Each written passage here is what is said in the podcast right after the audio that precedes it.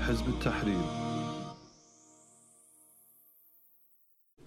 Vi er klar med endnu en omgang i forbindelse med vores Rojab-kampagne.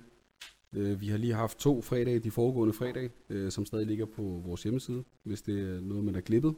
Det vi skal ta- tale lidt om i dag, det er klimaudfordringer og hvordan Khilafah kommer til at, at spille en rolle i forhold til det. Og til det formål, så har jeg Demullah med mig her, og vi skal snakke lidt den næste time tid. Barakallah fik, hvor du vil komme. Og fik Dame. Altså, nu har vi jo den her stående her, som er fra 2009. Det er mere end 10 siden, at vi har skrevet et hæfte omkring klimaproblematikken. Hvorfor er det stadig vigtigt at tale om klima i dag? Bismillah ar-Rahman ar-Rahim, wa salatu wa salam ala sayyidina Muhammad wa ala alihi wa sahbihi ajma'in. Og jeg vil også gerne sige salam alaikum wa rahmatullahi wa barakatuh til alle sammen, der ser med derude. Øhm, jamen, øh, vi taler om så mange vigtige elementer, der har betydning for alle mennesker, der lever på den her planet. Det er lige meget, hvem man er. For nogen er det lige nu mere aktuelt, ja, end der for andre mennesker. Taler vi et aspekt af klimaudfordringer i dag, som for eksempel globa- global opvarmning, så er der i dag 600 millioner mennesker, der er troet, at de får høj vandstanden, der kommer på grund af global opvarmning. Vi taler om millioner af mennesker af Sydasien i Bangladesh, der drikker øh, forurenet drikkevand hver eneste dag med arsenik i. Arsenik, som man kalder the, the silent killer. Fordi der går 8-12 år, før symptomerne kommer, og der er det typisk for sent. Øhm, vi taler øh, hormonfremkaldende stoffer, hormonforstyrrende stoffer i børns legetøj. Altså det her aspekt af forurening og hvordan det påvirker luftvejene øh, hos folk, når vi snakker om øh, dyrestandene, øh, hvor mange dyrearter, der er truet for udryddelse En million dyrearter, der står til at blive udryddet på grund af det udlæggelse, der har været i klimaet. Man, man kunne blive ved med at snakke om planter og, og naturen. Altså det er stort set alt på kloden. Øh, som Allah SWT, han, han snakker om i en ayah, ظهر الفساد في البر والبحر.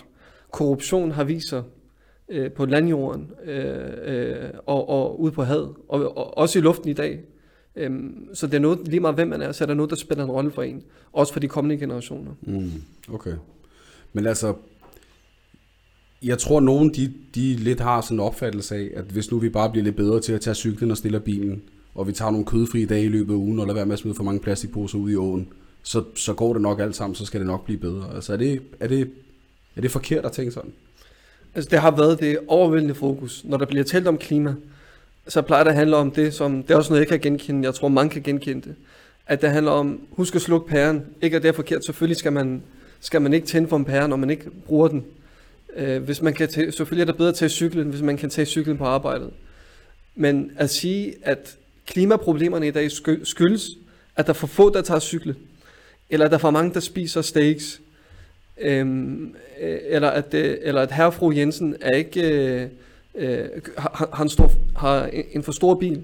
Der er noget, der hedder vaner jo. Folks vaner spiller en rolle i den her sag. Men det er bestemt ikke årsagen til, at vi står ude i det her problem. Når der er det her fokus på, det her det er dit ansvar, og det her det er din skyld, og det er dig som, øh, som person, som individ, der er årsagen til det her. Det man gør med det her, det er, at man faktisk afleder, altså det er en, en kæmpe stor afledningsmanøvre, for at fjerne fokus på, hvem der er reelt er årsagen til, at verden havner i det her problem. Hvilke er de store virksomheder, de store industrier, som har fået fritøjler, mere eller mindre fritøjler, der, der er meget, meget begrænset regulering, til at forurene, øh, øh til, til at dumpe kemisk affald, farligt affald, til at placere hormonforstyrrende stoffer i, i, i tekstiler og legetøj osv. Det her det er ikke noget, som herr fru Jensen har bestemt. Det er ikke noget, de har afgjort. Det er ikke dem, der har bestemt, at der ikke er ordentlige reguleringer på udstødningskasser på dieselbiler. Det, er ikke noget med, det har ikke noget med dem at gøre. Det har ikke noget med dem at gøre, at øh, kemiindustrien øh, øh anvender utrolig mange skadelige stoffer, i, når det bliver produceret forskellige materialer. Så når det med, at man hele tiden placerer ansvar og siger, det er dig, og det er din skyld, så fjerner man i virkeligheden bare fokus på dem, som er årsagen. Mm. Og når man ikke kommer ind på årsagen, så kan man heller ikke finde en løsning.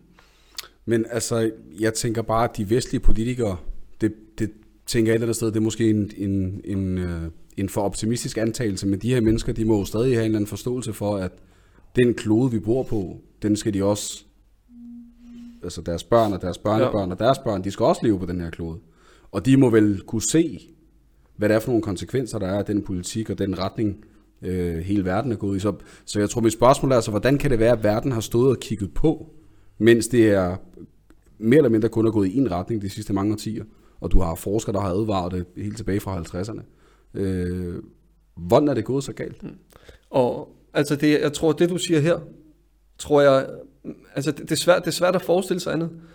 Altså, jeg er bekymret for de kommende generationer. Det er du også. Det er folk, der kigger med. Det er alle mennesker. Og de er politikere, der ser til, at de ikke er også mennesker. Og de her folk, der sidder i bestyrelserne i de store virksomheder, der forurener, at de, ikke også mennesker. Øhm, har, de ikke nogen bekymring for klonens fremtid? Kan de ikke se, hvor meget det her det ødelægger? Og al, de, de her overvejelser, de her tanker, man gør sig, hvis man skal få besvaret, jamen hvordan kan det være, at det sker alligevel?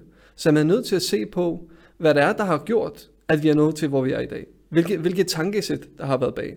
Og det tankesæt, der har været bag, den ideologi, der har været bag, det har været kapitalismen. Mm. Det er den, øh, det er den øh, motivation, det er den måde at tænke på, det er den måde at se produktion på, der gør, at vi er nået der, hvor vi er i dag. I kapitalismen, så er der et mål for øje, og det er profit. At opnå så meget profit som overhovedet muligt. En virksomhed, dens formål er profitmaksimering, få så meget overskud som muligt. Hvis der, giver, hvis der for eksempel er, og det vil der være, der er flere udgifter i at bortskaffe giftigt affald øh, på, en, øh, på en måde, som er miljøvenlig. Det koster flere penge, men det giver ikke et lige så godt regnskab, som hvis, hvis, man, hvis man dumper det her affald og kommer af med det på en uforsvarlig måde. Mm. Så er det det, man gør, fordi man tænker på profitten. Så vælger man at ødelægge kloden. Og derfor så har de hele tiden de her dilemmaer i kapitalismen i de vestlige lande mellem, at på den ene side, så skal vi producere, og vi skal have vækst, og på den anden side, så skal vi også på en eller anden måde finde en eller anden måde, hvor det ikke skader klimaet alt for meget. Og det her, det her dilemma, den her måde at tænke på, er virkelig unaturlig. Man kan godt producere, du kan godt innovere og, og skabe vækst, uden på samme tid at ødelægge klimaet, mm. uden at på samme tid ødelægge miljøet. Men hvis du ikke har nogen moralske værdier, hvis ikke at, at, at, at du tænker på, øh, hvordan det her det kommer til at skade dyreliv og mennesker, øh, planter og, og, og jorden og atmosfæren, men det kun handler om din virksomhed, og hvordan den skal opnå øh, øh, optimal profit, jamen så kommer man ikke en løsning nærmere. Og når de her virksomheder er så store, altså når vi taler om olieindustrien, når vi taler om bilindustrien, øh, når vi taler om de øh, fabrikker, der producerer stål og cement, så er de her meget magtfulde, de industrier. Og i kapitalismen, så er det sådan, at staten skal tjene de her virksomheder. Statens opgave er ikke at være en varetager for folket. Statens opgave er at sikre, at øh, du har et frit marked, hvor folk opererer, øh, og øh, at have et politivæsen og have, have et retsvæsen, men det er i bund og grund at tjene virksomheden. Mm. Så altså for, for at give et eksempel, som ikke lige har er relateret til klima og miljø. Der var den her danske bankskandal, som mange har hørt om, hvor der var en masse korruptionspenge, der kom fra, fra de baltiske lande. Hvilken straf fik Danske Bank? Ikke, ikke, ikke rigtigt. Hvor mange er blevet retsforfulgt? Hvor mange er blevet retsforfulgt efter finanskrisen i Wall Street? Mm. Ikke nogen. Hvorfor? Fordi de her virksomheder, altså en virksomhed som Danske Bank for eksempel, har flere ansatte. Den havde i hvert fald, jeg ved ikke om den stadigvæk har, flere ansatte end hele skat. Så det fortæller om noget, hvilken størrelse som de industrier har. Mm. Så staten skal tjene de her. Og derfor, hvis de har en bestemt interesse, så vil staten, øh, så, så har staten ikke andet valg end at respektere, øh, eller at, at følge anvisningerne for de her virksomheder. Okay. Jeg skal selvfølgelig lige huske at gøre opmærksom på, at dem, der har spørgsmål undervejs, hvis det er relateret til det, der bliver talt om, så kom endelig med dem. Øh, og hvis der kommer noget, som er lidt uden for det, vi er lige i gang med at snakke om nu, så tager vi det efter, øh, efter vi nåede lidt længere i programmet. Men... Jeg, jeg vil også, hvis det er orden, bare lige give et andet eksempel, ikke? relateret til miljø. En virksomhed som Mærsk. Vi ved, hvor meget Mærsk betyder for dansk økonomi, og hvor, meget, og hvor mange årtier den har betydet meget for dansk økonomi. Det er en stor virksomhed. Den udledet i, i øh, som jeg husker, var det fra 2004 til 2007, over 35.000 tons giftigt affald ude i Nordsøen, ude i Vesterhavet. Mm. Hvad var konsekvensen? Konsekvensen var en bøde på 500.000 kroner. Okay. Vi snakker 35.000 tons giftigt affald, som vi ved jo ikke, vi har ikke været inde og forske, hvad, hvad, hvad har konsekvenserne været? Men når du får en bøde på 500.000 til en så stor virksomhed, det er en global multimilliard virksomhed. 500.000 er ingenting for sådan en virksomhed. Mm. Altså bare en person, der har, altså hvis du giver en grønhandler en bøde på 500.000, så er der mange grønhandler, der vil kunne betale den bøde. For sådan en virksomhed, det er ikke engang en dags øh, indtjening. Det er mm. måske ikke engang en times. Det er bogstaveligt talt måske ikke engang et minuts indtjening. Så du mener, at den her type konsekvens, ja. Der bliver bare regnet Det- med så i de store virksomheder som en, en mere udgift? Det, det, er ikke en, det er nærmest ikke engang en, en konsekvens, ikke? Altså Mærsk ikke engang se det som en konsekvens. Det er mere staten, der skal vise, at den fører tilsyn. Mm. Nu får I drab over nalleren, ikke? Det er jo ingenting for Mærsk, ikke? De er bund og grund at give grønt lys til. Lad os sige, Mærsk gør det i morgen. Hvad så? Hvad bliver Mm. bøden så? En million kroner? Altså, skulle det få Mærsk til at ændre deres måde at bortskaffe giftigt affald på? Og i øvrigt, Mærsk har haft en del af de her skandaler, skal mm. Lige sige. Og mange andre virksomheder Mærsk. Nu vil jeg bare give et dansk eksempel. Ja, ja. Okay. Men altså, nu kan man sige, mange af de vestlige stater, de har jo taget initiativer, trods alt, inden for de sidste årtier særligt, ikke? Og de har indgået nogle af de her internationale aftaler, der var øh, øh, COP15 for efterhånden en række år siden, og der var Paris-aftalen her for nylig, som Biden lige har valgt, at, altså præsident Biden i USA har valgt at gå med på igen, efter Trump ellers havde hævet amerikanerne ud af den. Og de tager jo de her øh, øh, lokale tiltag, hvor de begynder at fokusere mere på vedvarende energi i forhold til at køre på de almindelige kraftværker, der var meget CO2-udledende osv. Så, så, så altså alle de her tiltag, som man kan se ligesom øh, tager til, både i, øh, i antal og i omfang. Er det fordi, at de begyndte at vågne op til, en, til at se virkeligheden i øjnene og forstå, hvad det er for en verden, de, de står overfor, og hvad den potentielt kan blive til, og så faktisk nu prøver at løse problemet? Altså, man har, kendt, man har haft kendskab til de ødelæggelser, der er på klimaet og miljøet i rigtig, rigtig mange årtier. Så det er ikke fordi, det er noget, de lige har fundet ud af endnu. Men det er klart, der er et folkeligt pres, fordi der, der er øget bevidsthed omkring det i blandt befolkningerne. Så de er nødt til at tage et eller andet skridt. Men der er ikke en eneste øh, af, de, af de uafhængige forskere, der har rost hverken COP15-aftalen eller Paris-aftalen, der blev indgået i 2015, på nogen som helst måde. Altså hvis vi tager Paris-aftalen, som er den sidste, og som du nævnte, altså Biden er nærmest blevet hyldet som en held i medierne, fordi han har bragt USA tilbage i Paris-aftalen, efter mm. Trump havde gået ud. Altså som om, at, at der skulle være noget specielt ved Paris-aftalen. Ved Paris-aftalen øh, så forpligter hvert land sig selv. Altså der bliver, ikke op, der bliver ikke opført nogle objektive kriterier til, hvor meget et land må udlede, og hvor meget de ikke må udlede, hvor meget de må forurene, hvor meget de ikke må forurene. Det er hvert land, der forpligter sig selv. Så man spørger Kina, Kina, hvor meget har du lyst til at, øh, at reducere CO2-udslippet med? Jamen, vi har lyst til at øh, reducere det med, hvis du ser på, hvor meget vi udledte i 2005, så måske 20% eller 50%, og så spørger man USA, så siger, ja, vi har lyst til, til, at, øh, til at udlede så og så meget. Øh, og alle forskere er enige, når de kigger på de her tal, og det er selvfølgelig især USA og Kina, der er det vigtigste land her, fordi det er dem, der forurener allermest i verden. Mm. Det er nærmest ligegyldigt, hvad, hvad resten gør, hvis de to lande vælger med, med at fortsætte samme kurs. Men så siger de bare, jamen, vi forpligter os til det her. Og alle forskere er enige om, at selv hvis USA og Kina, selv hvis de gør, og der er ikke nogen grund til at tro, at de vil forholde sig til, hvad de har forpligtet sig til, hvilket ikke er særlig ambitiøst, men selv hvis de gør, der er ikke nogen som helst bevis på, at det vil medføre, at man ikke vil nå de her, det her to graders mål. Paris-aftalen har to graders mål. Mm. Det vil sige, at jordkloden må ikke nå to grader, temperaturen må ikke nå to grader, den gennemsnitlige temperatur i jorden. Nu er den på 0,99 grader. Der må ikke nå 2 grader. Mm. Men der er ikke noget som helst bevis på, at selv hvis USA og Kina gjorde det, som de sagde, de ville gøre, så er der ikke noget bevis på, at det vil medføre, at vi ikke når de 2 grader. Mm. Så det, er det er mere end nogle, nogle løse erklæringer. Og selv hvis de bryder dem, der er ikke nogen straf. Altså Kina og USA bliver ikke sanktioneret. Hvem skulle også sanktionere dem, hvis det skulle være? Mm. Øhm, men der er ikke nogen sanktioner, der er ikke nogen konsekvenser. Så det her, det er igen en afledningsmanøvre for øh, at fjerne øh, fokus fra, fra virkeligheden, og for at folk ikke skal se sandheden i øjnene. Og det er, at de her lande, de vestlige lande, de kapitalistiske lande, er ikke seriøse omkring klodens fremtid. Altså der bliver snakket om, nogen har måske hørt om, at ejerne af Tesla, hvordan Elon Musk har et projekt, der hedder Mars-projektet. Hvis ikke jeg tager fejl, Jeff Bezos fra Amazon også vil arbejde på det samme. Altså de, de begynder at tale om, at vi skal til Mars. Vi skal til månen. Har også bare har skabt den her jordklode perfekt til mennesket. Du har syv sfærer, du har vand, du har en perfekt reguleret temperatur, du har en tyngdekraft, der passer til mennesket. Altså man kunne fortsætte i dagvis ved at fortælle om, hvor perfekt den her jordklode er.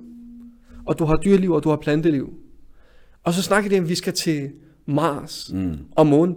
Altså bare kom dertil et projekt i sig selv, og snakker du om at leve der. Altså det er der, det er der vi kommer til. I stedet for bare at rette op, altså jordkloden, hvor meget skal du ødelægge den, før den bliver værre end Mars? Mm. Og, og, og månen, hvor meget, hvor meget har de tænkt sig at ødelægge den? Mm.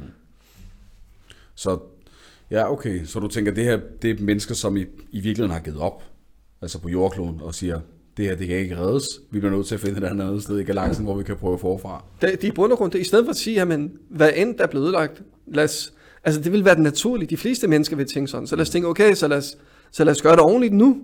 Så vores børn og vores børnebørn har en fremtid her. Men jeg tænker, at vi skal til Mars og månen.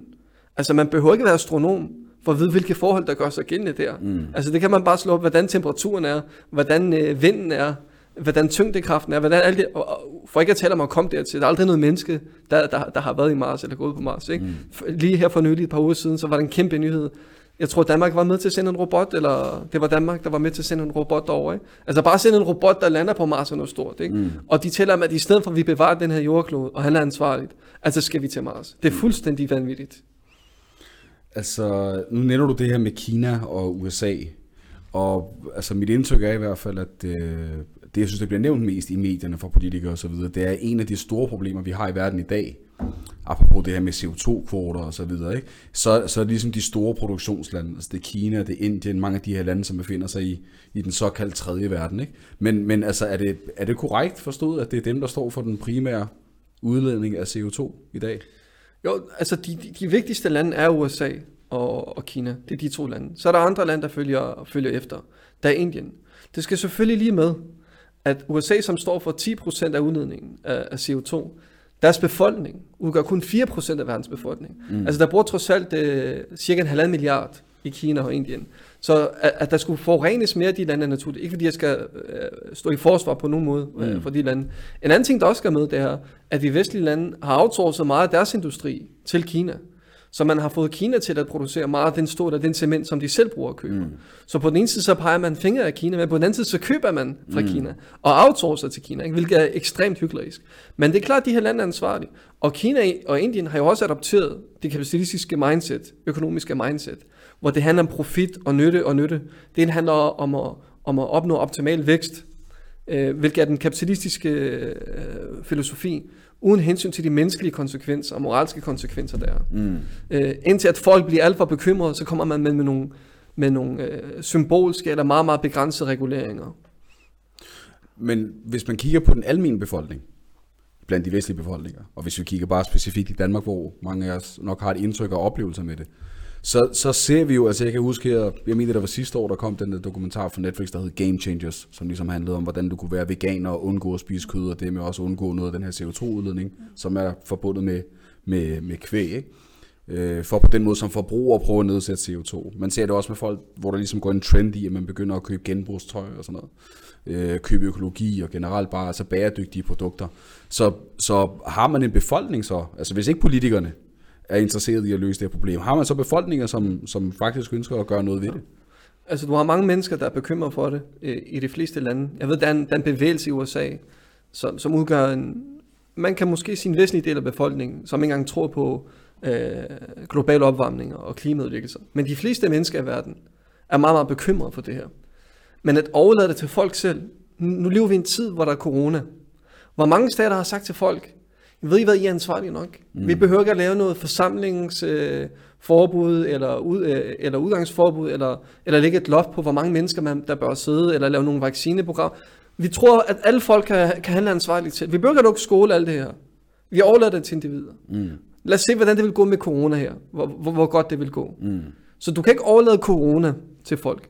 Men hvad er corona sammenlignet med destruktion af kloden? Du kan jo slet ikke sammenligne de to ting. Mm. Det er en virus, der potentielt kan dræbe, og, og har dræbt mange, rigtig mange mennesker, særligt folk med, med et sårbart uh, immunsystem.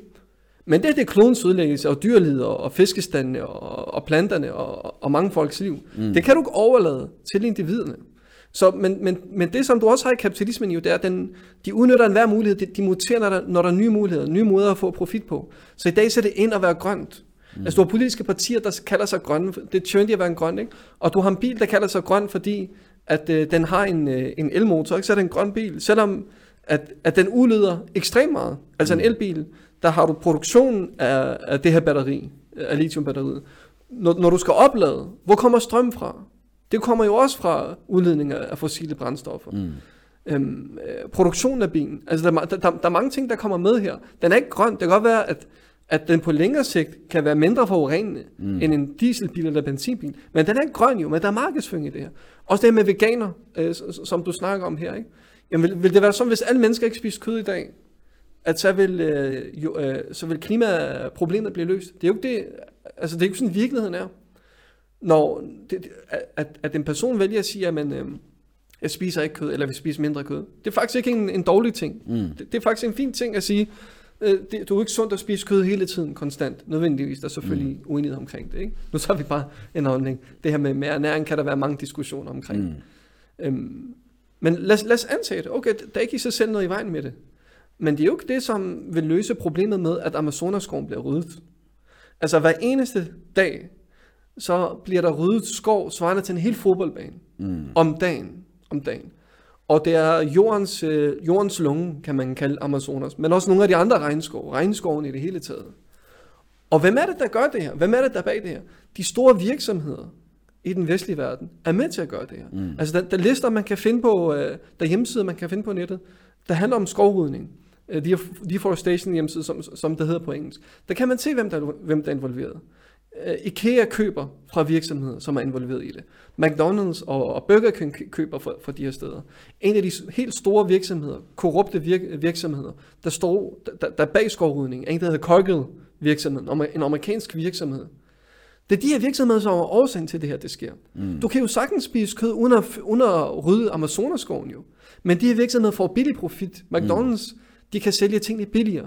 IKEA kan sælge øh, træ billigere ved at købe øh, tømmer, der, der kommer fra Amazonas. Mm. Men det er jo ikke, fordi det ødelægger klimaet, at der er en eller anden i Nordsjælland, øh, eller, eller på Fyn, der, der, der kværavler. Det er jo ikke det, der ødelægger klimaet. Men det er, at du har virksomheder, der bare vil have så få omkostninger som overhovedet muligt, og så meget profit, profitmaksimering mm. igen.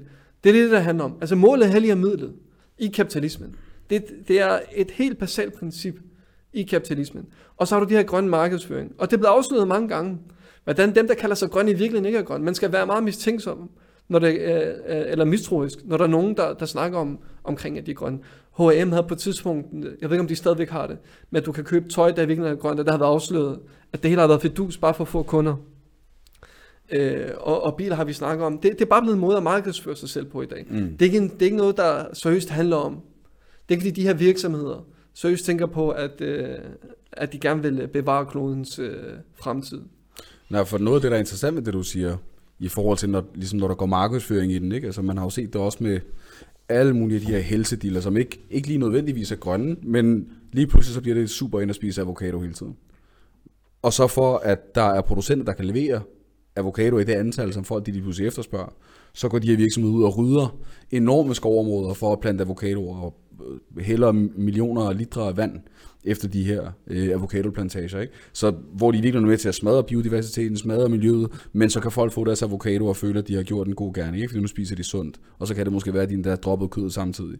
Så det er ligesom på den ene side, hvordan at de her øh, gode intentioner, de har det med at blive hijacket, de har det med at blive kapret af de her større virksomheder, som jo i sidste ende er kapitalister og går op i profit.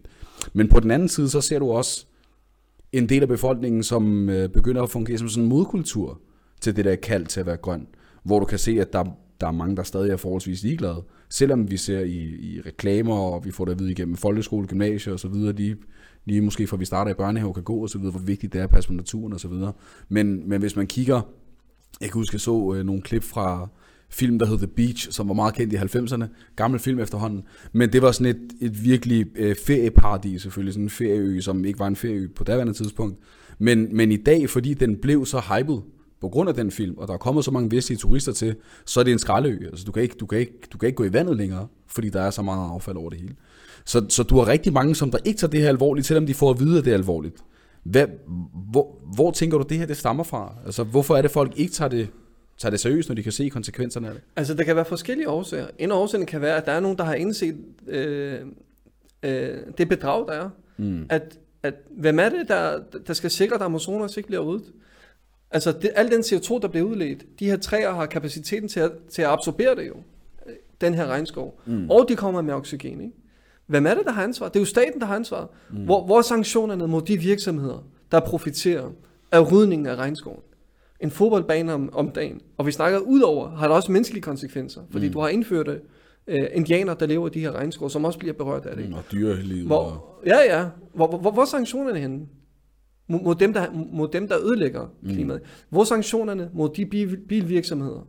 Øh, Volkswagen havde en skandale i USA, hvor de solgte dieselbiler, hvor de havde pillet ved, øh, ved den måler, der udleder, hvor meget forurening, mm. der kom ud af det. Volkswagen fik en symbolsk, meget, meget symbol, ingenting i forhold til, hvad dens, hvad dens omsætning er. Mm. Så der er måske nogen, der har regnet ud. Måske er det derfor, de er ligeglade, fordi de tænker, det er, det er apati, ikke? Det er ligegyldighed, mm. fordi vi kan alligevel ikke gøre noget ved det. Og man kan sige, det, det er jo delvist rigtigt jo. At, at det er rigtigt, at dig som individ, du kan ikke gøre ved det. Mm. Men til gengæld, så kan du arbejde for det, der skal, det er en stat, som kan sikre, at der bliver reguleret, at der Mm. bliver strammet op, at man ikke bare ser den anden vej, når at du har virksomheder og industrier, der, der forurener miljøet, der, der producerer stoffer, som Mm. er skadelige for mennesker, kraftfremkaldende stoffer, sundhedsskadelige stoffer, øh, eller, dumper øh, radioaktivt affald, øh, kemisk affald. Altså, der, der har været nogle meget, meget vanvittige skandaler. Øh, men, men de bliver bare placeret. Jeg husker dengang, da tsunamien ramte, det er efterhånden mange år siden, det er i 2004, Mm. hvor der var en tsunami, der, altså en, en kæmpe flodbølge på grund af et jordskæld i Sydøstasien. Den nåede helt hen til Somalia jo. Og så var der containerskibe, der nåede til Somalias kyst her for den her tsunami, med, øh, med radioaktivt affald. Og der kom sindssygt skader. Det her det, det blev beskrevet i en rapport fra FN, der hedder After the Tsunami. Hvordan folk, i, der boede ved Somalias kyst, de gik rundt med åbne sår, de fik blødninger fra, fra, fra underlivet, de blødte fra munden, fik alle mulige sygdomme. Der har været en, øh, en øh, britisk virksomhed, øh, nu, nu har jeg glemt dens navn, jeg kan slå det op lidt senere, som dumpede øh, en masse tons affald. De havde købt noget forurenet øh, olie fra Mexico, så de oprensede det affaldsprodukterne, de dumpede ved Elfenbenskysten, øh, ved, ved hovedstaden til Elfenbenskysten. Og du havde tusinder af mennesker, der, der fik utrolig mange skader. Mm. Og de blev nægtet i starten, at de havde dumpet det, den her virksomhed. Men så bliver det afsløret, at Guardian blandt andet var med til at afsløre det. Men igen, hvor ser vi konsekvenserne? Og det, det sker hele tiden. Mm. Altså prismæssigt, jeg ved ikke om prisen har ændret sig. På et tidspunkt var det 1000 dollar per ton, hvis du skal bortskaffe kemisk affald, mm. giftigt affald. 1000 dollar per ton. Men hvis du køber de her korrupte ledere, der er i det, de kalder den tredje verden, så kan du gøre det for 2,5 dollar per ton. Mm. Okay. Okay. Så nu har du en virksomhed, der står mellem, okay, vi har 100 ton giftigt materiale, vi skal af med. Her koster det 1000 dollar per ton. Og her koster det, og 100 ton, det er meget lidt sat, ikke? De- Det er nok 1000 af tons, de har, de skal af med. Her koster det 1000 dollar per ton, og her kan vi gøre det for 2,5 dollar per ton. Mm. Hvad vil de fleste øh, kapitalistiske virksomheder vælge? Hvis de skal have profit, hvis de skal vise deres aktionærer, hvor godt regnskab de har haft i år, eller det her kvartal. Jo, de går til de her, de, de går til øh, de her mellemhandlere, øh, som har forbindelse til de her korrupte regimer, og så bliver det her affald dumpet der, hvor øh, fattige mennesker bor, hvor Mm. mange af de her lande også er muslimske lande. Men det er bare lige for at, at få det hele med, fordi man kan sige, nu har du ligesom, øh, du har understreget det her med, hvor, hvordan staterne, hvordan de enten er ineffektive, eller, eller inhabile, eller ikke har et ønske om reelt set at løse den her problemstilling. Og så, så har vi snakket lidt om den her problematik, som den enkelte borger så står i. Ikke? Fordi hvis du står der og tænker, okay, nu vil jeg gøre noget rigtig godt for miljøet, men du kan se, at staterne, som er de største syndere i alt det her, og selvfølgelig de større virksomheder, som udfører det her øh, i sidste ende med billigelse for staterne, altså bliver man demotiveret. Men kan man samtidig sige, at der måske er noget grundlæggende modstridende ved at være øh, klimaorienteret og kapitalist samtidig, altså hvis vi bare snakker som enkeltborger. Det ville være en modsætning i deres øjne jo. Og det er jo derfor, at de, de, de her meget venstreorienterede partier, der kun har en en klima som hovedfokus osv., det bliver beskyldt for at være naiv. Mm. Og øh, det er jo delvist rigtigt, at du er naiv, hvis du på den ene side vil bevare kapitalismen, og på den anden side tror, at der er noget håb for klimaet, Mm. at der vil komme forbedring under kapitalismen. Fordi der er en modsætning.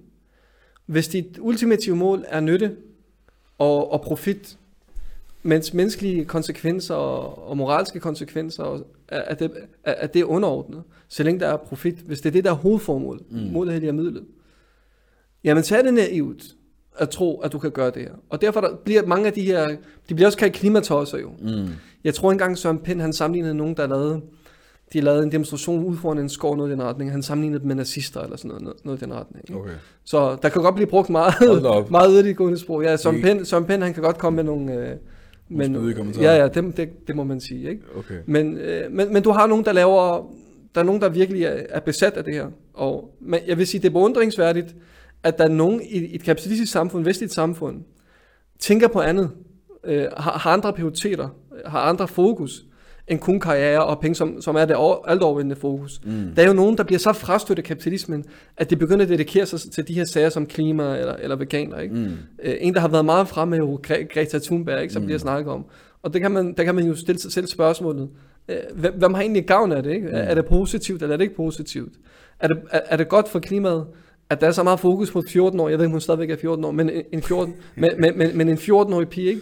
Hvor alle har en eller anden kommentar, ikke? Enten kan de lide hende, eller kan de ikke lide hende. Mm. Øh, lige meget, hvad man, hvad, hvad man, man måtte mene om hende. Ikke? Er det egentlig godt for klimaet, at al fokus bliver afledt fra de store, fra de store lande, industrilande, der mm. forurener, og så snakker jeg om en 14-årig pige. Mm. Ja, jeg forstår. Jeg forstår, hvad du mener. Men okay, altså de her vestlige stater, baseret på kapitalisme, de er i gang med at løse problemet reelt set. Og de enkelte borgere, dem som der gerne vil gøre noget ved det, der er overhængende far for, at deres øh, bestræbelser de bliver kabret af nogle større virksomheder, som prøver at profitere på det, og så smadrer miljøet igen alligevel. Øh, og så har du nogen, der bliver demotiveret. Når de ser det store billede og tænker, hvad nytter det noget overhovedet, om jeg bekymrer mig, om jeg går øh, 10 meter og smider lidt ned i skraldespanden, eller hvad smider det på gaden. Men hvad så? Altså nu har vi snakket om det, der ikke fungerer. Hvad er det så, der skal til for at løse den her problemstilling? Mm. Men, verden kommer ikke til at rykke sig et skridt frem, uden at der kommer et ideologisk alternativ til kapitalismen, der bliver implementeret på jorden. Et helt alternativt syn, og det syn jeg selvfølgelig taler om, det er islam. Mm. Altså islams syn på statens rolle, på øh, økonomien, er fuldstændig anderledes. Altså kapitalismen, som jeg har nævnt øh, flere gange, det handler om vækst, produktion, produktion. Derfor når de vurderer et lands økonomi, om den er god eller dårlig, så ser de på, hvor høj er BNP'en, bruttonationalproduktet, eller GDP'en. Mm. Så hvis den har en rigtig høj BNP, eller den stiger meget, så siger man, at det går godt for landets økonomi. Selvom du kan have millioner af hjemløse og folk, der ikke har adgang til, til sundhed, som, som i USA. Ikke? USA er det land, der øh, har den største BNP i verden, har haft i rigtig, rigtig, rigtig mange år. Ikke? Så siger man, at det er en god økonomi. Det, det, det synes i kapitalismen, og, og det skyldes noget, der hedder, blandt andet noget, de har, der de kalder for knaphedsteorien, ikke? som er en stor løgn. Mm. Islams syn på økonomien er helt anderledes. Det handler ikke, jo, jo der skal være vækst i et samfund selvfølgelig, men det er ikke det, der formål, det er, det er ikke kriteriet for, hvordan du vurderer, det går godt med en økonomi eller ej. Mm. Formålet, det er, at for den økonomiske politik i den islamiske stat, det er fordeling af ressourcerne. Mm. Hvad nytter det, hvis du har rigtig, rigtig mange rigdom, rigtig, rigtig mange goder, men de er koncentreret hos 1% eller 0,1% af mm. befolkningen? Og i dag har vi jo nogle helt absurde tal på uligheden, hvor det er noget med 8 mennesker, ejer lige så meget som verdens, øh, den, den fattigste halvdel af jordens befolkning. Det er naturligt, at den skaber den her ulighed i kapitalisme, fordi den ikke tænker på fordeling. Mm. Så du har et andet syn på økonomi. Du har heller ikke det, der hedder nyttemoral, eller nytte, fokus på nytte, eller målet helliger midlet. I islam, så er det sharia, der fastlægger, hvad du må og hvad du ikke må. Så hvis det er forbudt at skade, hvilket som professor Salam siger, la darar wala dirar, og det er videnskabeligt blevet, øh, blevet efterprøvet gennem mange år, at det er bestemt stof er hormonforstyrrende, ødelægger børns udvikling. Der er for eksempel hormonforstyrrende stoffer, der er lovlige mm. i Danmark. Der er mange, der kan klare over det. Men en, virksomhed, legetøj og sæber Præcis. Og en, en, en virksomhed i Europa, ifølge EU-reglerne, så skal den kun dokumentere, at det ikke er kraftfremkaldende. Den behøver at dokumentere, at det ikke er hormonforstyrrende. Mm. Og der har været en del forskning, der viser, at børns udvikling, øh, sådan noget som øh, øh, fosterudvikling, sådan noget som ADHD, sådan noget som autisme, er direkte forbundet til de her hormonforstyrrende stoffer. Jamen her kommer Sharia og trækker, trækker en rød linje, og den siger, at det her det er forbudt at anvende det her stof. Så må jeg anvende et andet stof, og der er masser af andre stoffer. Mm. Altså mennesket har produceret legetøj i rigtig, rigtig mange århundreder, uden at de har, og de har gjort det uden at anvende hormonforstyrrende stoffer. Må ikke vi i dag med den teknologi, der er til rådighed, mm. kan gøre det samme. Ikke? Men de her de er nok billigere, det er nok derfor, de bruger dem, de her virksomheder. Men i den islamiske stat, den er fuldstændig ligeglad. Fordi den skal ikke tjene virksomhederne. Hele formålet med khilafa, det er, at den skal implementere de islamiske ahkam. Det er, det, der, det er en mekanisme, det er en maskine, der er parat mm. på at implementere ahkam. Og for at videreføre det, som Allah han sagde, da han, skabte, da han skulle skabe mennesket, så sagde han til englene, Inni ja'alun fil ardi khalifa. Jeg vil skabe en stedfortræder på jorden. Det vil sige, Allah vil placere et menneske på jorden, som er ansvarlig for at implementere de regler, at iværksætte de regler, Allah han kommer med, mm. for at passe på jorden. Og du har mange, mange øh, ayat, rigtig mange ayat og mange tekster af hadith, der taler om vigtigheden i bevarelsen af naturen, i naturen og, og bevarelsen af miljøet, mm. og kritik af folk, dødelægger miljøet. Nu hvor vi talt før omkring det her med, med folk, der kalder sig grønne virksomheder, men, men i virkeligheden øh, så er de med til for eksempel at ødelægge, øh, udrydde Amazonaskoven. Så jeg tænker på en, på en ayat, hvor Allah han siger, وَمِنَ النَّاسِ مَنْ يَعْجِبُكَ قَوْلُهُ فِي الْحَيَاةِ الدُّنْيَا Iblandt menneskerne er der folk, som hvis tale behager dig i det liv. Du kan lide at høre på dem. De siger ting, som du godt kan lide. Allah han siger det her til profeten sallam. Mm. Og i dag kan man sige, ligesom en person, der siger, at ja, øh, mine produkter de er grønne, og, og, og det hele er grønt. في الحياة الدنيا ويشهد الله على ما في قلبه og han sværger på Allah ved det her hans hjerte oprigtigt وهو ألد الخصام men han er din værste fjende وإذا تولى سعى في الأرض ليفسد فيها ويهلك الحرث والنسل og når han vender sig så drager han afsted for at skabe korruption på, på jorden og prøv at bemærke hvad Allah han så nævner og for at ødelægge al-harth afgrødene og nasl og afkom mm. Og ja, det er som om den her ayah, som ikke blev åbenbart for 1400 år siden, den kommer til, til i dag. Ikke? Mm. De snakker om, hvor gode de er, hvor godt de vil bevare klimaet. Men det, de gør, de ødelægger afgrøderne, de ødelægger jorden og afkommet. Mm. Altså afkommet i form af fosterudvikling. Ikke? At, at, at foster og børn, der udvikler sig, de, deres, deres øh, udvikling bliver hæmmet på grund af de stoffer, som, som de producerer. Mm. Øhm, så, så synet på naturen, og Janni, du, du har mange hadith, øh, jeg ved ikke, om, om, om, om, om, vi, om, om vi skal tage det nu, eller om, om du har tænkt, at vi vil tale om det, det senere. Det, du kan sagtens... Ja. Øh, altså, der, fortæl, der fortæller om islams syn på dyrelivet. Øh, altså, islam, islam der er beskrevet bøger, juridiske bøger, bøger om dyrerettighed, hukuk al-haywan. Mm. Fordi der er tekster omkring det, blandt andet den hadith i Bukhari, hvor professor Sallam han fortæller om en mand, der var rigtig tørstig. Så tager han til en brønd, øh, tager vand op fra brønden og drikker det. Så ser han en gispende hund, der er tørstig. Og så bider den i jorden, en fugtig jord for at få lidt vand. Så får han ondt af den, fylder sin sko med vand og lader hunden drikke af skoen. Og så siger professor Sallam, at Allah han, han anerkendte hans handling og tilgav ham. Og så bliver sahaba forundret, og så siger det til professor Sallam, får man belønninger for at hjælpe dyr? Ligesom, okay, ja, mm. ja og, og selvfølgelig det samfund, altså fattige mennesker har ikke engang en værdi, ikke? Mm. Og så dyr har også en værdi. Så, så, så svarer professor Sallam, et hvert levende væsen, at passe på et hvert levende væsen, at behandle et hvert levende væsen godt, får man hasanat for, får man, mm. får man belønninger for. Øh, du har en hadith i Bukhari, der er også er Bukhari, hvor professor Sallam taler om en kvinde, der kommer i Jahannam, fordi hun sultede en kat og låste den inde, og på grund af den handling kommer hun i Jahannam. Mm. Du har hadith omkring øh, drikkevandet, og bevarelse af drikkevandet. Og ikke at ødsle. Ja, der var den hadith, hvor en sahabi, der hedder Sa'ad, han er wudu. Så siger professor sallam, hvad er det for en ødslen, åh Sa'ad? Hvorfor ødsler du med vandet? Og så undrer han sig, så siger han til professor sallam, kan man ødsle med, med wudu? Altså, øh, jeg, jeg, jeg prøver at opnå også tilfredshed her, når mm. jeg vasker mig selv. Så siger professor sallam til ham, selv hvis du stod ved en strømmende flod, så må du ikke ødsle. Og, og igen, det her det er 1400 år siden, den her hadith, den blev bare. Og i dag så snakker øh, klimaeksperter omkring, og miljøeksperter omkring drikkevandet, og hvordan det forurenes så mange steder. Altså i USA, så er der en øh, undersøgelse, der viste, at 85% af befolkningen drikker af vand, der er forurenet med minimum 160 kontaminerede stoffer. Okay. Og det her, det er USA. Altså glem, hvad der sker i vores, vores land. Den er helt, der er arsenik og alle mulige andre ting. Men det er det USA. Mm. Verdens global. Den egen befolkning er den ligeglad med. Og her har du provinsersellam, der 1400 år siden taler om, hvor meget, hvordan man skal passe på vandet. Og der er andre hadith, når det gælder vand også. Også en hadith, hvor provinsersellam han forbyder, at man besørger, at man urinerer eller laver affald ved en, en, en vandkilde. Mm. Øhm, så, så bevarelse af, af plantelivet, af, af dyrelivet, af, af miljøet, der er en del, der er en del af ayat i Koran og hadith fra provinsersellam, der specifikt taler om det. Mm. Udover det at skade, at man ikke må skade, og at staten er ansvarlig. Islam så Khilafah-staten, den skal ikke tjene industrien. Den skal implementere ahkam. Og den ansvarlige, profeten sallam, han siger, Al-imamu ra'in, wa huwa mas'ulun an ra'yati. Mm. Imam, det er khalifen. Han er en hyrder, og han er ansvarlig for dem, han varetager. Så han, stod, han vil stå til ansvar for Allah på dommedagen. Ligesom Umar, han frygtede, han, han frygtede, at Allah vil stille ham til regnskab for en kamel eller en ged, der falder i Irak over vejen. Mm.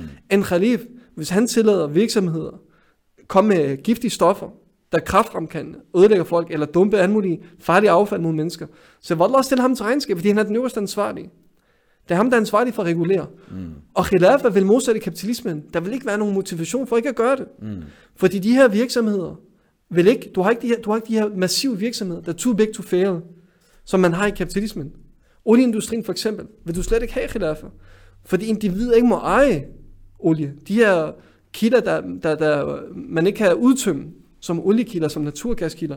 Mm. Det må virke som, så de, du, kan ikke, du har ikke en olieindustri, der kan stå på forhandlingsbordet med en stat og sige, hvis I ikke magter ret, så gør vi sådan og sådan ved jer, som Mærsk har gjort i mange år over den danske stat. Mm. Okay. Men hvad, hvad vil det sige i praksis? Fordi nu er der en del af de ting, du siger, som ligesom vedrører grundlæggende opfattelser omkring menneskets rolle i forhold til ens omgivelser. I forhold til det her med øh, at have respekt for dyreliv og respekt for planteliv og naturen generelt. Alt det her, så kan man sige, det er jo meget fint, men hvad er det så, altså du siger, at staten ikke er i tjeneste for de her store kapitalistiske, store kapitalistiske virksomheder. Men, men hvad betyder det så altså i praksis for, for de forskellige industrier? Altså jeg tror, hvis man sidder som, som kapitalistisk forretningsmand, så tænker man, okay, du kan jo ikke producere noget så. Mm. Altså betyder det, betyder det, at der ikke er noget teknologi i den islamiske stat? Ja, det er en myte. Altså det, det er jo meget simpelt. Hvis vi for eksempel taler om en, en producent af, lad os for eksempel lad os sige, af tekstiler. Det er meget simpelt. Khilafa har en liste. Den her liste, den er udarbejdet af, at udvalg af eksperter. Mm som er nået frem til gennem den forskning, der har været, om hvilke øh, stoffer, hvor det er blevet dokumenteret, at de har en sundhedsskadelig effekt. Det kan fx være kraftfremkaldende stoffer, hormonforstyrrende stoffer. Så er der en liste af alle de her virksomheder for. Hvis I producerer, hvis I anvender nogle af de her stoffer, og folk kommer i berøring med det, så er det straf, så er det ulovligt. Mm. Så er det en ulovlig handling udføre. Og så skal staten regulere. Yani, yani for en virksomhed, der producerer, så er det så simpelt. Så må jeg producere, uden at anvende de her stoffer. Mm. Okay. Meget simpelt.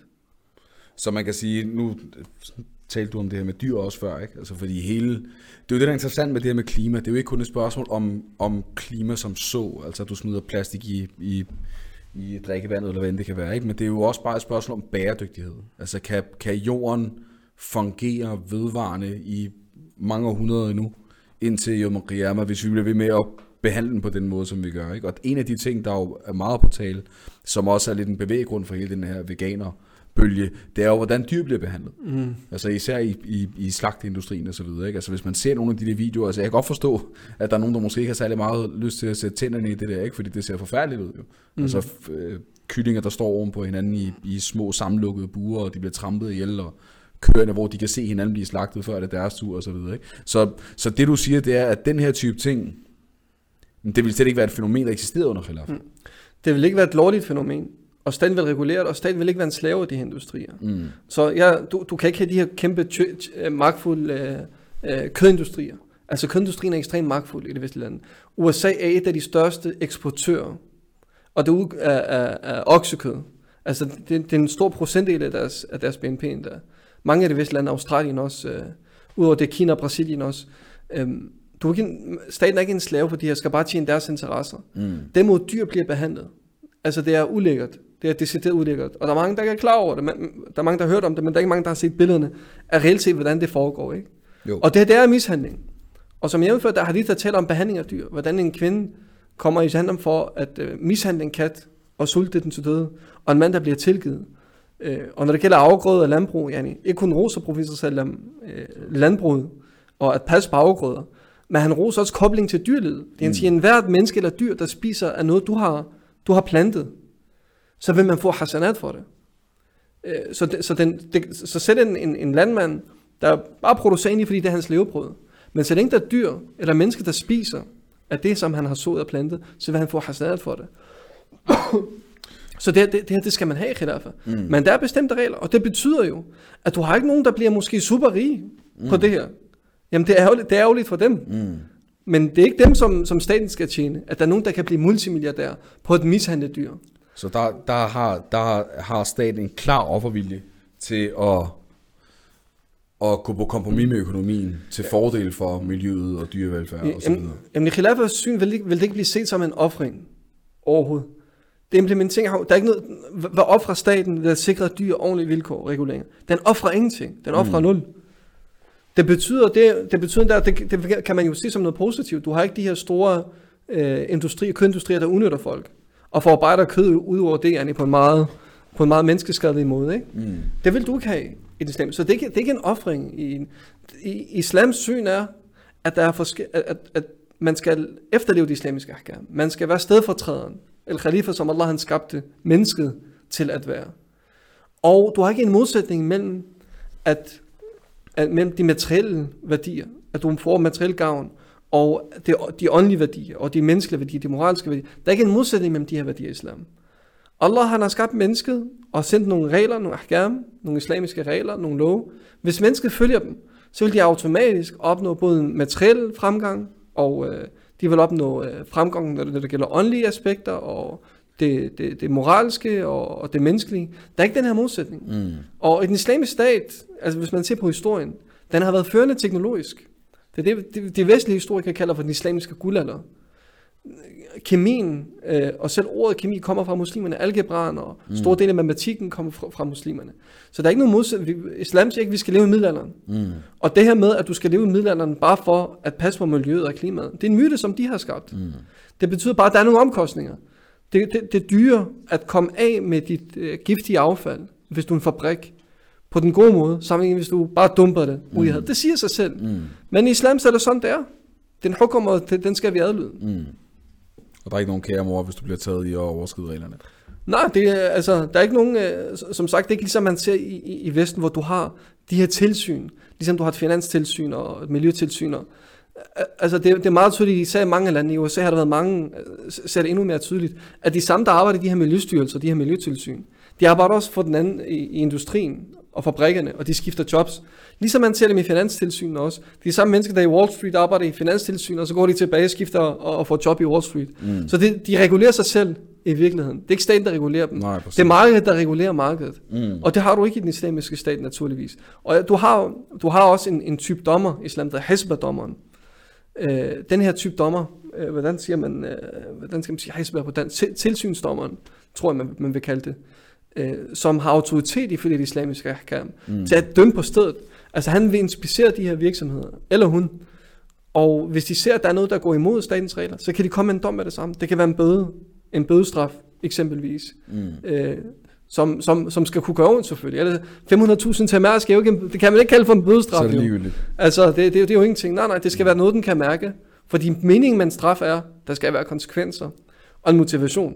For den, der ikke vil følge ahkam, så skal han være bange. Mm. Ligesom Uthman radiyallahu han, han sagde, Inna Allah yazi'u bi sultan, ma la yazi'u bil Quran. Mm. Allah, han, Allah han får nogen til at frygte gennem sultan, gennem uh, statens autoritet, dem som ikke frygter Koranens mm. autoritet.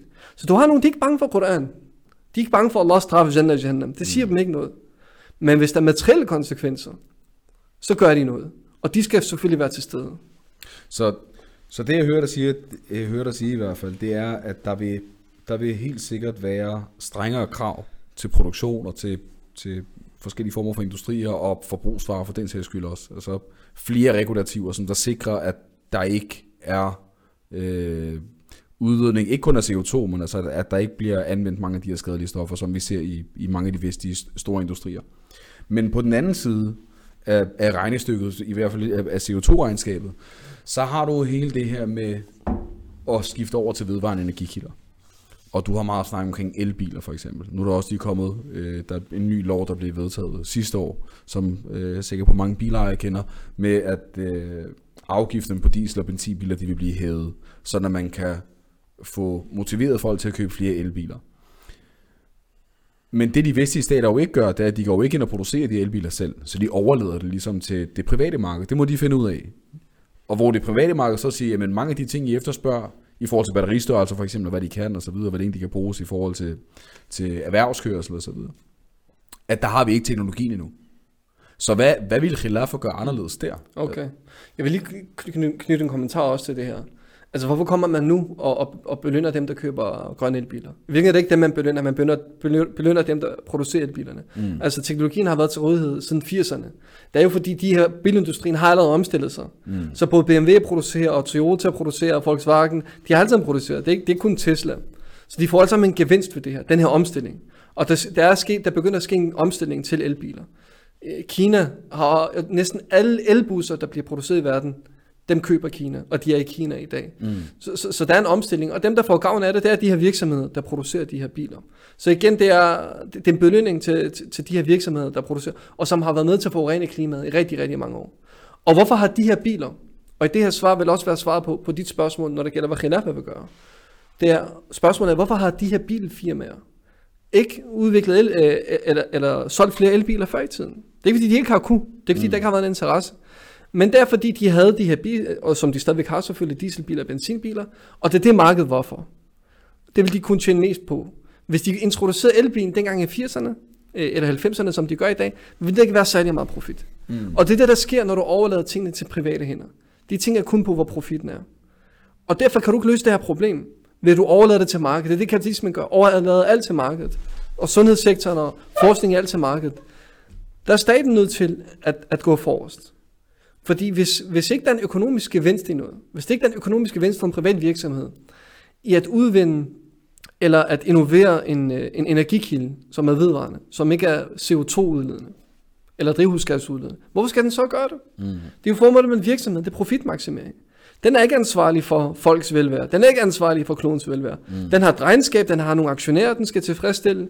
Den, den har et overskud, den skal producere. Det er det, der er mindsetet hos en virksomhed. Mm. Derfor kan du ikke bare overlade det til dem.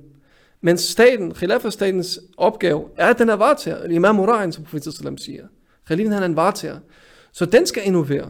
Så nu er der for eksempel, øh, der sket en stor udvikling med lithium-ion-batterier, som de er kaldt, eller lithium-jern-sulfat-batterier. Der er nogle batterier, der kan oplade, og som kan oplade øh, energi, og så kan man senere bruge det hen. Mm. Den, har, den her teknologi har stadigvæk nogle begrænsninger, og det er det, man også bruger i elbiler blandt andet. Men hvorfor er det først her på det seneste, at det kommer? At det begynder at blive udviklet og innoveret? Hvorfor har der ikke været lige så meget innovering før? Mm. De her batterier og, og retningen har, har der været det rigtig, rigtig mange år. Men det er nu, det er efterspørgsel. Du kan ikke bare overlade de her ting til et marked, der kun tænker på udbud og efterspørgsel. En privat industri. Så Khilafah, den vil selv gå hen og innovere.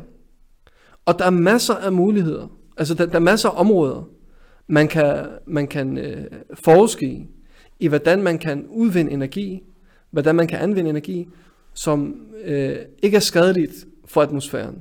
Øh, vedvarende energi, at udnytte celler, altså bare solcelle teknologien alene, den er ikke færdigudviklet på mm. nogen som helst måde. Vindmølleteknologien er ikke færdigudviklet på nogen som helst måde. Og vindmølleteknologien i sig selv, den havde ikke noget, hvor den var i dag, hvis ikke, at der også var en statslig indblanding. Mm.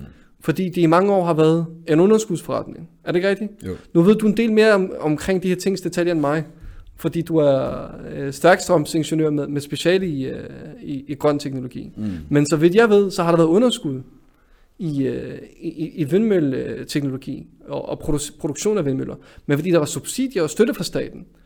Så du har de her kompromiser, du ser nogle gange i kapitalismen. Mm. Ikke? Men det er bare et bevis på igen, du kan ikke bare overlade det til det private marked. Fordi hvor, hvor havde vindmølleteknologien så været i dag? Den havde ikke været, hvor den var i dag. Men det var, fordi der var nogen, der var, der var en, et apparat, der sagde, vi er villige til at investere i det her. Mm. Og se, om der har nogen fremtid. Fordi vores mål er ikke kun profitmaksimering. Så det du mener, at hvor den danske stat og andre stater, de er gået ind ligesom og taget del i den udvikling, der har været nødvendig for at, at prøve at få nogle af de lidt mere grønne tiltag til at ramme markederne i større omfang. Men de har ikke gjort nok. Og du mener, at den islamiske stat, den vil ligesom den vil ikke bare vente på, at der er en eller anden producent, som der er ved at være klar til at, at komme med et eller andet produkt, som er bedre for miljøet, og som er med til at sikre jordens overlevelse i sidste ende, men den vil gå i fronten for at sikre, at de her produkter, de, at teknologien, den bliver udviklet. Bestemt, og den eneste grund til, at Danmark støttede øh, vindmølleproducenterne, det var jo ikke, det har ikke noget med, klima, med, med jordens velvære at gøre. Det har noget at gøre med, at Danmark øh, har en meget, meget lille befolkning, og øh, har investeret meget i uddannelse og innovation. Og, og, og der, hvor Danmark har været fremme, sammenlignet med resten af verden, det er blandt andet medicinalindustrien, hvor man har noget nordisk, og vindmølleteknologien. Mm. Og det har Danmark investeret i, og den har fundet ud af det. Så det har, det har mere været et økonomisk perspektiv. Det er, hvordan skal, vi, hvordan skal Danmark kunne konkurrere med resten af verden? Mm. Når vi bliver nødt til at innovere nogle bestemte felter og specialisere os i dem. Det har egentlig været det, der har været motivationen. Og, og ikke, øh, og ikke at, be, at bevare miljøet eller klimaet. Øhm, mens Khilafas formål er ikke at tjene en bestemt industri. Khilafas formål er at, at passe på, øh, at implementere ahkam, som påkræver, at den passer på miljøet, mm. at den passer på klimaet. Øh, og det nødvendige gør også, at der bliver forsket i alternative energikilder, hvilket har været meget begrænset. Altså al forskning er mere eller mindre overladt til private hænder i dag. Mm. Det vil sige, at vi kun forske det, de har interesse i. Og nogle gange kan de finde en måde, der er mere klimavenligt. Altså ligesom elbiler. Selvom elbiler ikke er grønne, de er på længere sigt, så har de potentiale til at være mere klima, klimavenlige. Mm. Teknologien har været der. Jamen, hvorfor har, I ikke udnyttet, hvorfor har private industri ikke øh, udviklet den? Mm. Jamen, det er fordi, at øh, der, var ikke, øh, der var ikke økonomisk interesse i det på det tidspunkt. Så går der bare flere årtier, hvor den her teknologi ikke bliver udviklet. Mm. Så du har nogen, der opfinder den, tager patent på den, og så lader de den bare ligge, fordi der ikke er interesse i det. Mm. Og hele ideen om patent selvfølgelig eksisterer jo heller ikke i islam. Mm. Så hvis der er nogen, der kommer med en rigtig, rigtig genial øh, opfindelse, der gør, at du kan producere mo- motorer, øh, eller anvende mot- motorer, som ikke udleder en masse fossile gasser, jamen så kan den her person ikke bare tage den her teknologi og sige, jeg lader ikke nogen udvikle den, Mm. jeg, jeg, jeg, fordi, fordi det er og hvis nogen gør det, så, så, så, så bliver de sagsøgt. Og vi har set en masse teknologi i Vesten, Mm. ikke blive ud- inno- innoveret og udviklet i tide, fordi der er nogen, der gjorde det her. Blandt andet ham, der opfandt øh, dampmaskinen. Mm. Han altså han, da han opfandt den, øh, Watts, som jeg husker, da han, da han opfandt den, så, så brugte han bare de, øh, resten af hans liv bare på at sagsøge folk, der ville udvikle den. Mm. Så det var faktisk først, da han døde, den industrielle revolution virkelig kom i gang. Fordi så kunne han ikke længere sagsøge folk for patenten, ikke? Jo, vi, vi kan jo se effekten af det bare nu i forhold til coronavirus, ikke? Uagtet hvad ens holdning er til det. Men en af grundene til, at mange mangler vacciner, det er jo netop fordi, at du kan ikke bare gå ind og kopiere den, selvom at det for nogen kan være livsnødvendigt. Jeg vil gerne snakke med dig mere om det der, men der er lige nogle spørgsmål, jeg godt kunne tænke, dig, øh, tænke mig at høre dine svar på fra, fra seerne derude. Der er en, der skriver, Barakallahu fik, jeg har et spørgsmål. Du siger, at virksomheder tænker udelukkende profit. Kan man ikke sige, at hvis profitten ligger i at være grøn, så løser man problemet? Fordi så skal virksomhederne omstille deres forretning til at være bæredygtig. På den måde kan man få styr på klimaet. Hvad tænker du i forhold til det? Jo jo, men så kan man jo stille det omvendte spørgsmål. Hvad hvis der ikke er profit i at være grøn? Og hvad hvis der er profit i at udgive, i, i, at, i at fremstille dig selv, markedsføre dig som grøn, Mm. men du i virkeligheden ikke er grøn, som mange virksomheder gør. Så det er det der er problemet, ved at du bare overlader det til markedet. Øh, men der vil jo ikke være, vi, vi ville jo slet ikke have haft det her problem, vi ville jo slet ikke sidde og snakke her om det problem, hvis, øh, hvis, øh, hvis man tjener flest penge på at være grøn. Fordi så alle virksomheder har gjort det jo. Hvis det var det, der gav flest penge, hvorfor skulle de så, produce, hvorfor skulle de så udlede fossile brændstoffer jo? Så det er jo netop fordi, at, at det koster penge at, afskaffe, at bortskaffe øh, atom, øh, radioaktivt materiale og, og, og giftigt kemisk materiale. Mm. Det er jo netop derfor, at de går hen og gør det. Fordi, fordi der ikke er mest profit i det. Ja. Men hvis der var mest profit i det, jo, selvfølgelig. Men der er det jo bare ikke jo. Mm. Og derfor, det er netop derfor, du kan overlade det til det private marked. Det svarer lidt på et andet spørgsmål, tror jeg, men måske har du noget ekstra at tilføje. Uh, salam alaikum wa rahmatullah. Barakallahu fikum. Jeg har et spørgsmål. Nu hvor kapitalismen er så god til at sætte penge på ting, eller investere i ting, forestiller mig, øh, der menes. Kan Vesten så ikke investere i bæredygtighed på trods af deres grundlag? Mm. Altså på trods af, at de ellers går efter profitmaksimering? Jo, men- men hvordan vil det fungere i praksis, hvis kapitalismen investerer? Det fungerer jo i praksis i form af, at du har virksomheder. En virksomhed som Siemens, eller en virksomhed som Gisco. Øh, Det kan være en elvirksomhed, en, øh, en, øh, bil, en bilvirksomhed som Volkswagen. Hvis de investerer i noget, der er mere bæredygtigt, så skal det være, fordi de har en økonomisk interesse i det. Mm. Så når kapitalismen investerer, så er det det private marked, det er ikke staten. Forskningen, innovationen, den bliver overladt til det private marked, mere eller mindre. Selvom du godt kan have subsid- sub, subsidier, så er det overladt til det private marked. Mm. Så de vil tænke i der, hvor der er mest profit. Og, hvis, og, hvis man, og det er netop den her tankegang, der har fået os til, hvor vi er i dag. Mm. Altså, nu, nu snakker Vesten meget om Kina og Indien, men som selvfølgelig øh, som, som, som er to bundkorrupte lande øh, og menneskefjendske lande. Men de vestlige lande har forurenet de sidste 150 år. Mm. Kina og, og Indien er først rigtig begyndt at producere inden for de seneste par årtier. Så, så giver man al skyld på dem, mm. mens man har de sidste 150 år øh, fuldstændig smadret atmosfæren. Mm. Øh, så, så går man peger fingre der, og så går man hen og outsourcer sine fabrikker til Indien og Kina efterfølgende, ikke? Og, og så peger man fingeren efterfølgende. Mm. Så øh, nu mister jeg lige, hvad var det nu spørgsmålet var? Det var, om de ikke kunne investere ja. i det på trods Jo. af deres grundlag. Jo jo, så, så, så hvis du investerer, jo, så er det den profit. Og, og der vil ikke være en modsætning hos den enkelte virksomhed, hvis der er profit i det. Men hvad hvis der ikke er? Mm. Og der er der jo ikke i dag. Og, og, og det er netop derfor, vi havnede i det problem. Hvis der var profit, havde vi jo slet ikke øh, snakket om det her i dag. Mm. Det var også det, vi talte om tidligere, der var behov for den her grundlæggende ændring. Ikke? Men der er et andet spørgsmål, og det er noget, vi, vi talte lidt om det, mig og dig, øh, op til at vi mødtes her i dag, fordi der er en del, der bekymrer omkring befolkningstilvækst. Ligesom at den bliver jo bare ved med at stige, ikke? og er det så ikke, er det så ikke svært at komme et problem til livs, hvis det er fordi, at der i virkeligheden øh, findes et begrænset antal måder, hvorpå du kan brødføde de her øgede befolkninger, uden at du kommer til at skade miljøet. Og her der er spørgsmålet så, om det ikke er naturligt, at der bliver afledt mere CO2, som så skader klimaet, hænger det ikke sammen med, at verdens befolkning øges dagligt, og på den måde, så er der en produktion, der nødvendigvis må øges.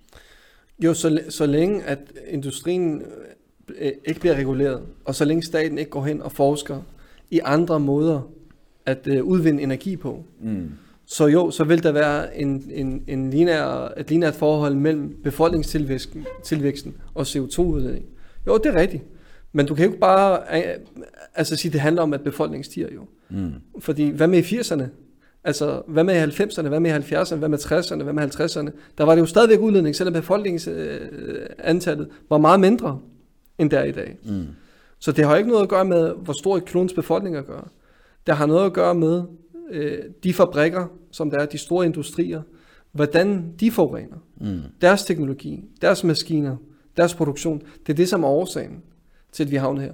Det, at man ikke regulerer, altså, altså bare den måde, som vi, øh, de, de, de sygdomme, der kommer, ved at man indånder alle de giftige partikler, der kommer fra benzinmotorer og, og dieselbiler. Mm. Det er meget, meget giftige stoffer.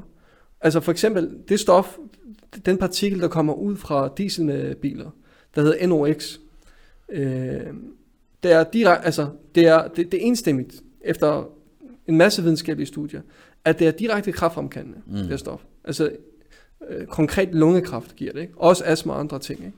Hvorfor får de lov? Mm. Hvorfor får det lov til at være der? Det har jo ikke noget med befolkningstilvæksten at gøre. Altså igen, det har noget at gøre med, at der, øh, der er profit, der er økonomisk interesse i, at de her virksomheder bliver ved med at få lov til at, at producere biler på den her måde, uden at regulere. Og de her virksomheder er utrolig store og utrolig magtfulde. Mm. Og derfor får de lov til at gøre det. Så det har ikke noget med, øh, med befolkningstilvæksten at gøre. Jeg vil også lige i forhold til befolkningstilvæksten, det får mig også til at tænke på noget andet. Og der er jo også noget, som, som man, jeg synes, man hører det ret tit efterhånden. Og det er det her med, at, at, at der er også et, et, øh, et problem med brødføde menneskeheden.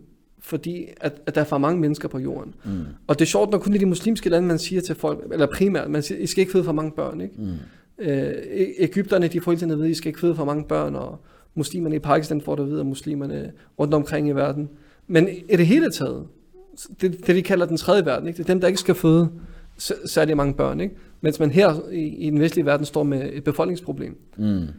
Jamen, der er masser af landbrug, der ikke er, der ikke er blevet udnyttet. Altså, hvor har man fra, hvad, hvad er beviset på, at der ikke er nok landbrug til at brødføde befolkningen? Mm. Hvis vi bare snakker om verden i dag, så, bliver, så, så er der cirka, i den, i den vestlige verden, så er det cirka en tredjedel til halvdelen af al mad, der bliver produceret, der bliver smidt ud, mm. der går til madspil. En tredjedel til halvdelen. Det er 100 kilo om året per person, der ja, bliver smidt ud. Og så siger man, at der ikke er nok mad til hele mennesket, og derfor må folk dø af sult. Og de har et meget kynisk syn på det her, mange af de her folk. Og det er der, hvor det, det der bliver kaldt for knaphedsteorien, den kommer fra. Det var en kapitalistisk økonomi, økonom, en, en, en britter, der hed Thomas Malthus, der snakkede om, at, du har, at øh, hans teori var, at landbruget kun stiger lineært hvor mange afgrøder du kan producere stiger lineært. Mm. Mens befolkningstilvæksten stiger eksponentielt. Mm. Så siger han, på et tidspunkt vil de her to kurver ramme hinanden, og så vil det ikke være nok til alle mennesker. Mm. Og så konkluderer han meget kynisk efterfølgende, at derfor er det godt, at du har hungersnød. Derfor er det godt, at du har epidemier. Derfor er det godt, at du har ting som pest, hvor en masse mennesker kan blive udryddet. Og heldigvis er det de fattige mennesker, der dør øh, øh, under de her kriser. Ikke? Meget, meget kynisk. Mm.